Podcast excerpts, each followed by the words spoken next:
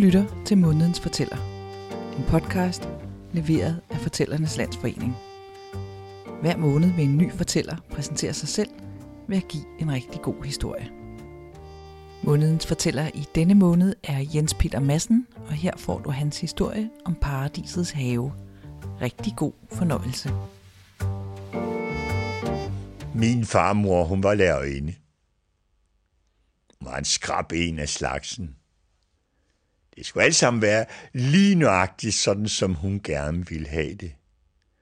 Ellers så blev hun vred, og så skød hendes øjne lyn. Og så kunne man godt skynde sig at gøre det rigtige. Vi var lidt bange for hende. Men vi kunne også godt lide hende, for øh, hun kunne fortælle historier. Og hun kunne øh, fortælle hele Danmarks historien lige ud af hovedet og uden bog. Om kongerne og krigene og det hele. Om de nordiske guder og aserne og sådan. Og så kunne hun fortælle Bibels historie.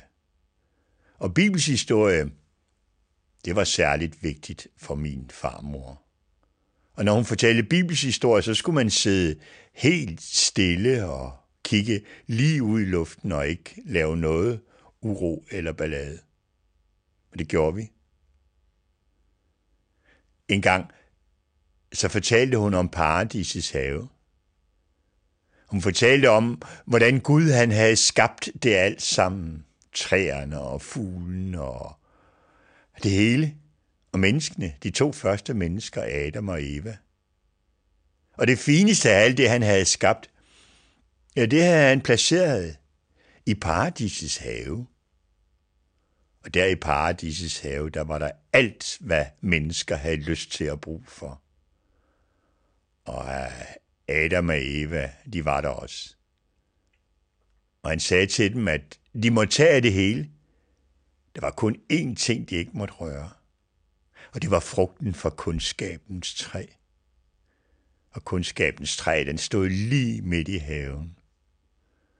Og den bar de allersmukkeste, flotteste frugter. Og en dag, så stod Eva og kiggede på den, og havde sådan en lyst til at smage på frugten. Og så var der en slange der i kundskabens træ, og slangen den vislede med sin tunge og sagde, Eva, Eva, du har jo lyst til at spise af frugten, så tag dog et. At Gud han vil ikke kunne se det. Der er så mange, så tag dog et. Og så tog hun et. Hun tog et bid af den. Og det smagte nøjagtigt lige så dejligt, som hun havde forestillet sig. Så sødt og lækkert. Og øh, hun gav resten af frugten til sin mand Adam. Og han spiste også af den. Han kunne også godt lide det. Men så skete der noget meget mærkeligt. Det var som om alting forandrede sig. De opdagede, at de slet ikke havde noget tøj på. At de var helt nøgne. Og de blev meget generte, og, og de tog noget hen for, så de skjulte sig for hinanden. Og det havde de aldrig gjort før. Og om aftenen, da Gud han kom for at sige dem godnat, så gemte de sig for ham. Sådan skammede de sig. Og han kaldte, og han kaldte. Men de kom ikke frem. Og da de endelig kom frem, så kunne han godt se, at de havde spist af frugten fra kundskabens træ. Og han blev meget vred på dem. Og så sagde han, at nu skulle de drage ud af paradisets have, og så kunne de bjerge deres føde i deres ansigtssved. For når der kun var den ene ting, de ikke måtte, så kunne de da nok lade være, sagde farmor. Og mens jeg sad der og lyttede til historien om paradisets have, så kiggede jeg ud af vinduet i farmors hus, ud i den gamle have. Og så var det pludselig, jeg så, at det var jo derude, paradisets have lå. Der var også alle de ting, som man kunne ønske sig. Der var æbletræer og pæretræer og et jordbærbed og Stikkelsbær og rips og solbær og alle mulige gode ting var der. Vi måtte godt smage af det, sagde farmor. Bare I er forsigtige. Og det var vi. Der var kun ét træ, hvis frugter vi ikke måtte røre. Det var det gode æbletræ. Det stod lige midt i den gamle have. Og det var de allerflotteste af æblerne der.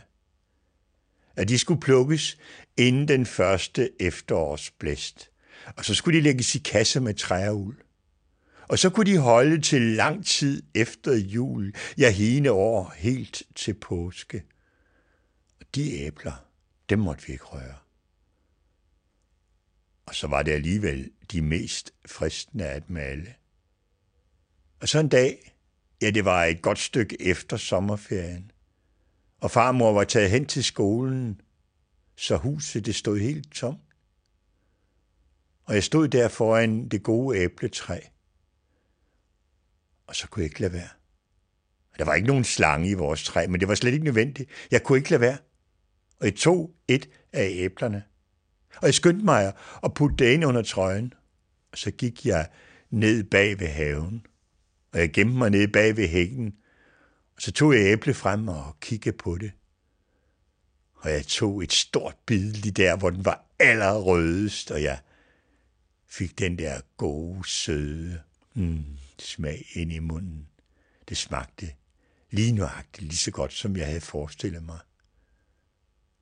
Og det knaste mellem tænderne, når jeg tykkede det. Men så var det pludselig, at huske det farmor havde sagt. Når der kun var den ene ting, de ikke måtte, så kunne de det nok lade være.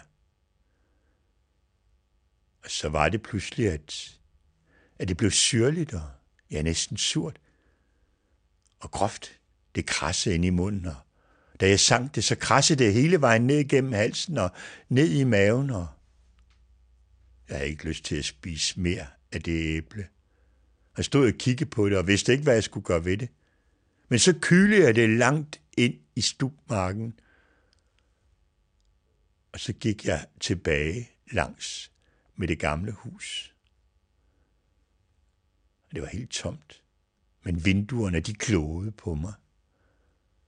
Jeg var helt sikker på, at var farmor kommet, og havde hun set mig der, så ville hun helt bestemt have vidst, at jeg havde taget et af æblerne fra det gode æbletræ. Og så ville hendes øjne have skudt lyn.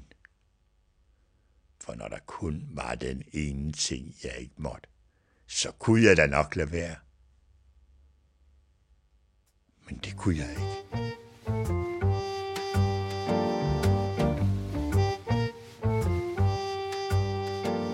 Tak fordi du lyttede med.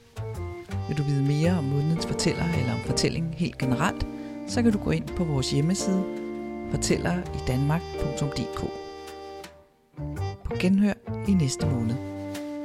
thank you